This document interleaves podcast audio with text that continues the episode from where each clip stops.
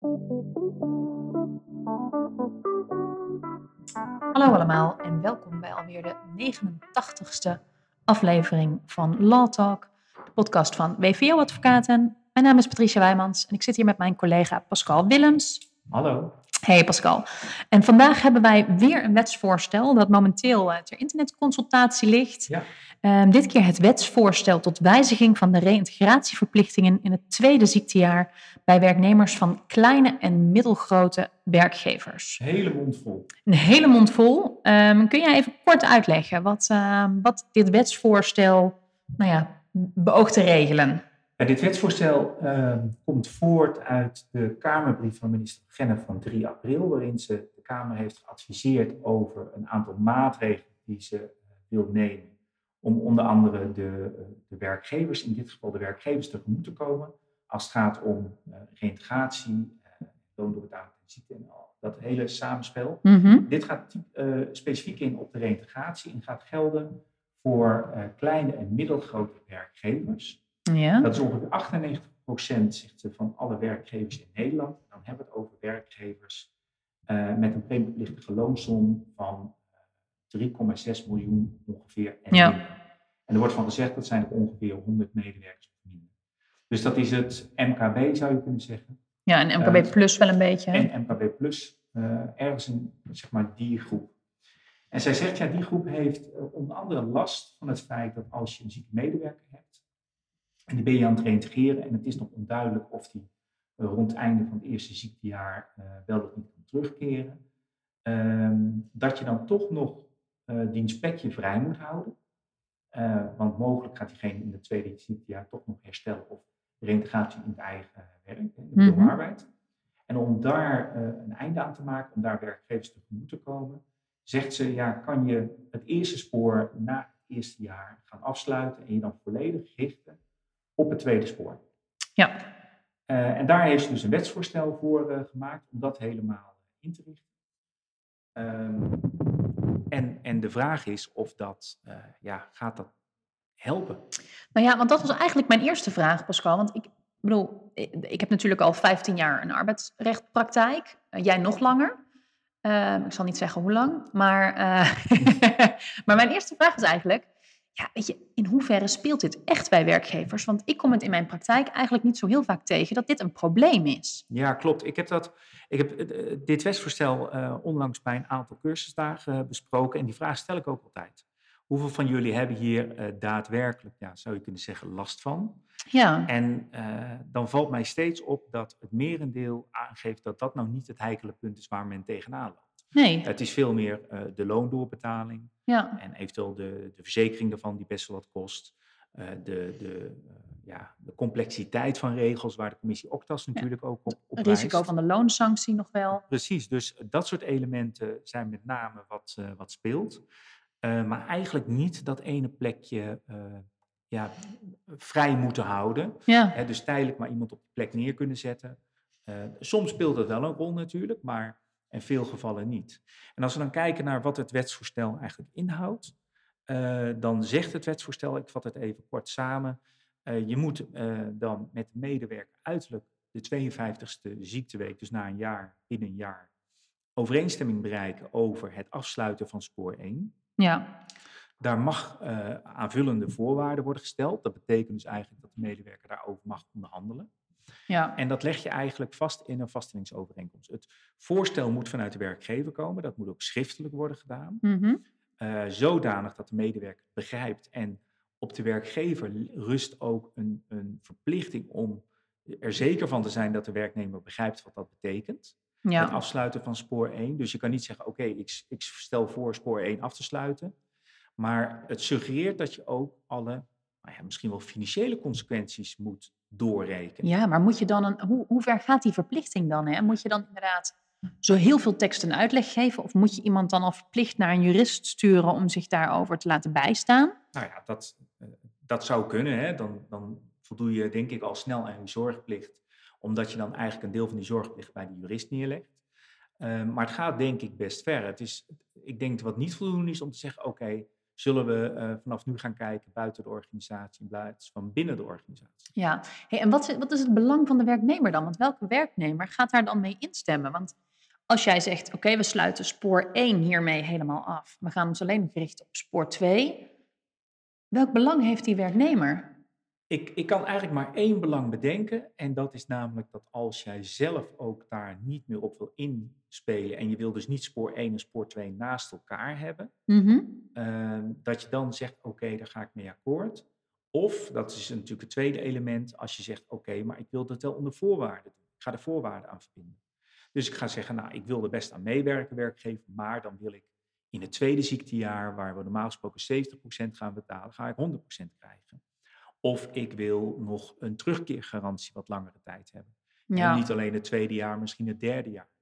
Of, ehm, nou ja, weet je, je kan allerlei dingen bedenken die je als extra voorwaarden stelt ja. als werknemer, eh, op basis waarvan je dan zegt, nou, daar ga ik dan wel mee akkoord. Maar Andere maak je, het- kan- maak je het dan niet meer complexer dan wat het nu is? Nou, het is super complex, omdat als je ziet dat eh, het met die werknemer bespreken, dat betekent dat het moet een schriftelijk voorstel zijn, waar die dan uiteindelijk akkoord moet op gaan uit de 52e week.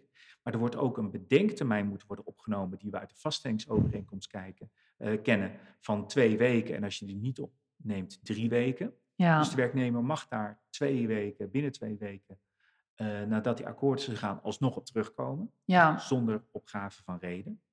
Ehm, dus je ziet al eigenlijk dat ja, ehm, dat overleg, ehm, dat is niet eh, iets heel simpels. Nee, Is ook er zitten wel wat haken en ogen aan. En ja, de werknemer gaat er alleen aan meewerken als er wat voor hem of haar te winnen valt. Ja, Nou, wat staat er dan tegenover als die werknemer niet meewerkt? ja, Dan kan je eenzijdig bij het UWV gaan aanvragen, maar dat moet je uiterlijk week 42 doen. Dus dat betekent dat als je week 52 uiterlijk akkoord moet hebben van de werknemer, maar je kan eh, pas week, of op zijn vroegst, nee, uiterlijk, moet goed zeggen, uiterlijk week 42 moet indienen bij het UWV. ja, Omdat het UWV acht weken de tijd neemt om daarover te beslissen, zeggen ze.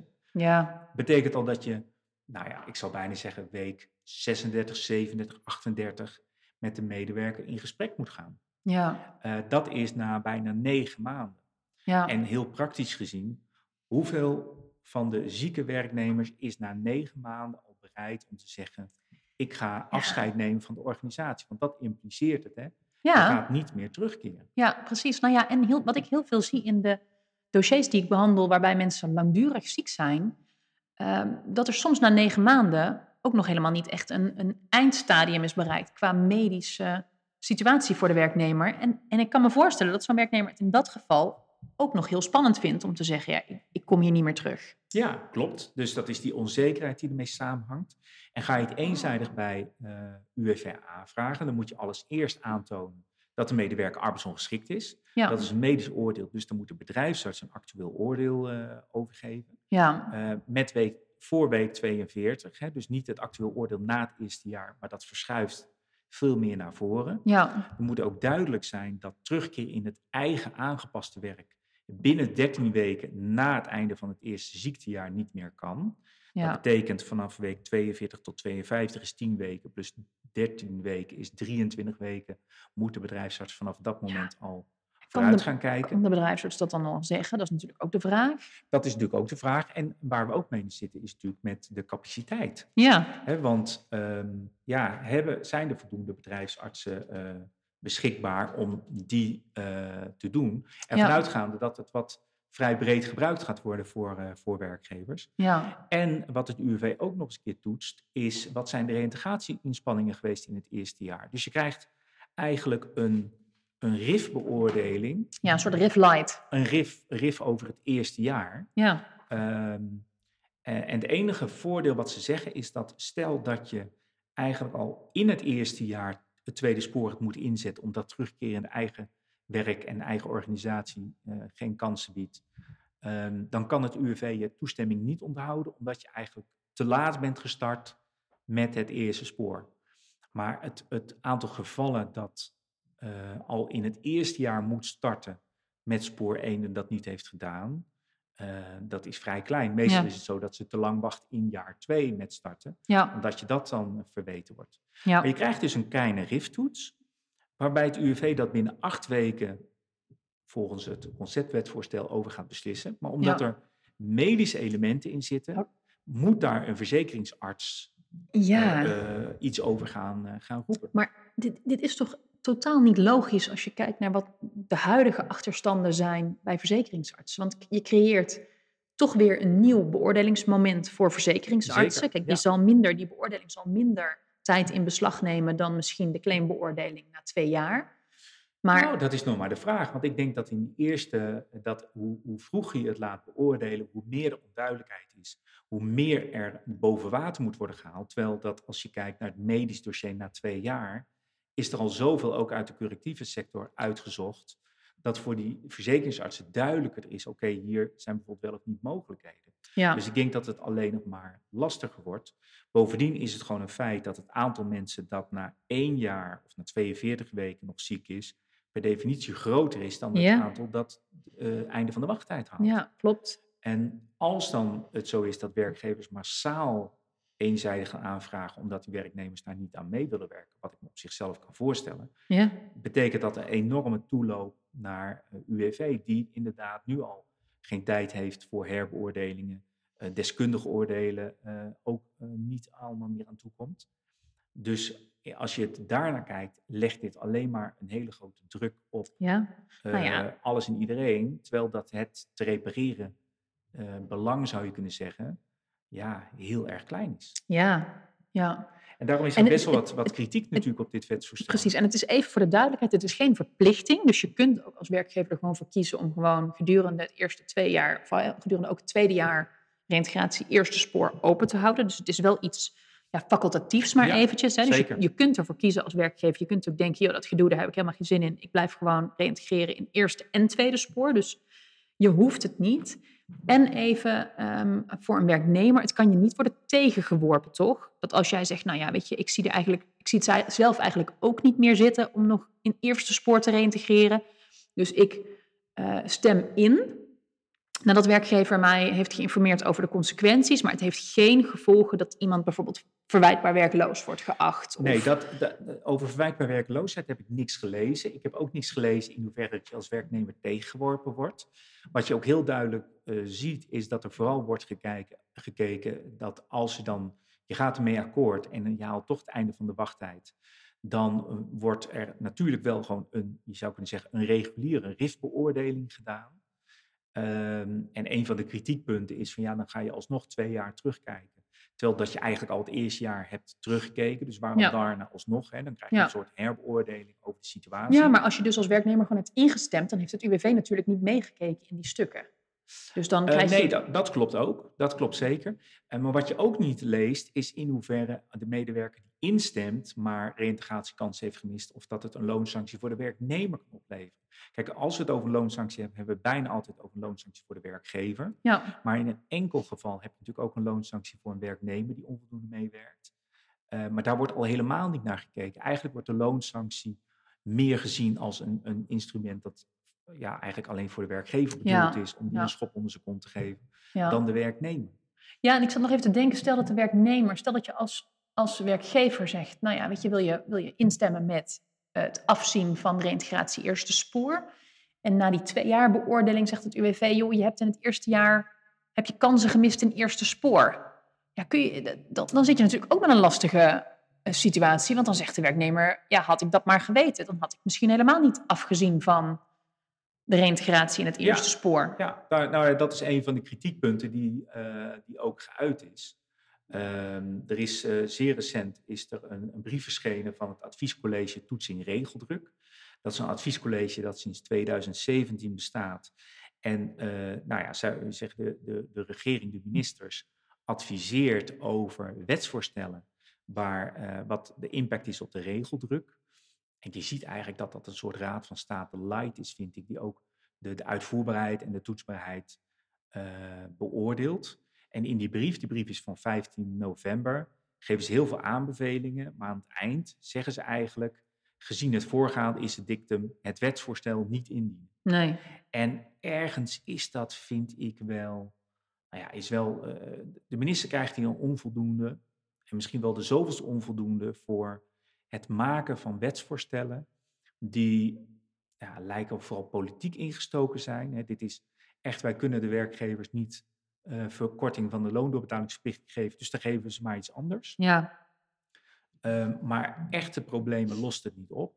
En sterker, ik denk dat als je dit in gaat voeren, dat het zoveel meer onduidelijkheid geeft. Want je gaat het hele tweejaarssysteem ga je voor een belangrijk deel, maar niet voor alle werkgevers op zijn kop zetten.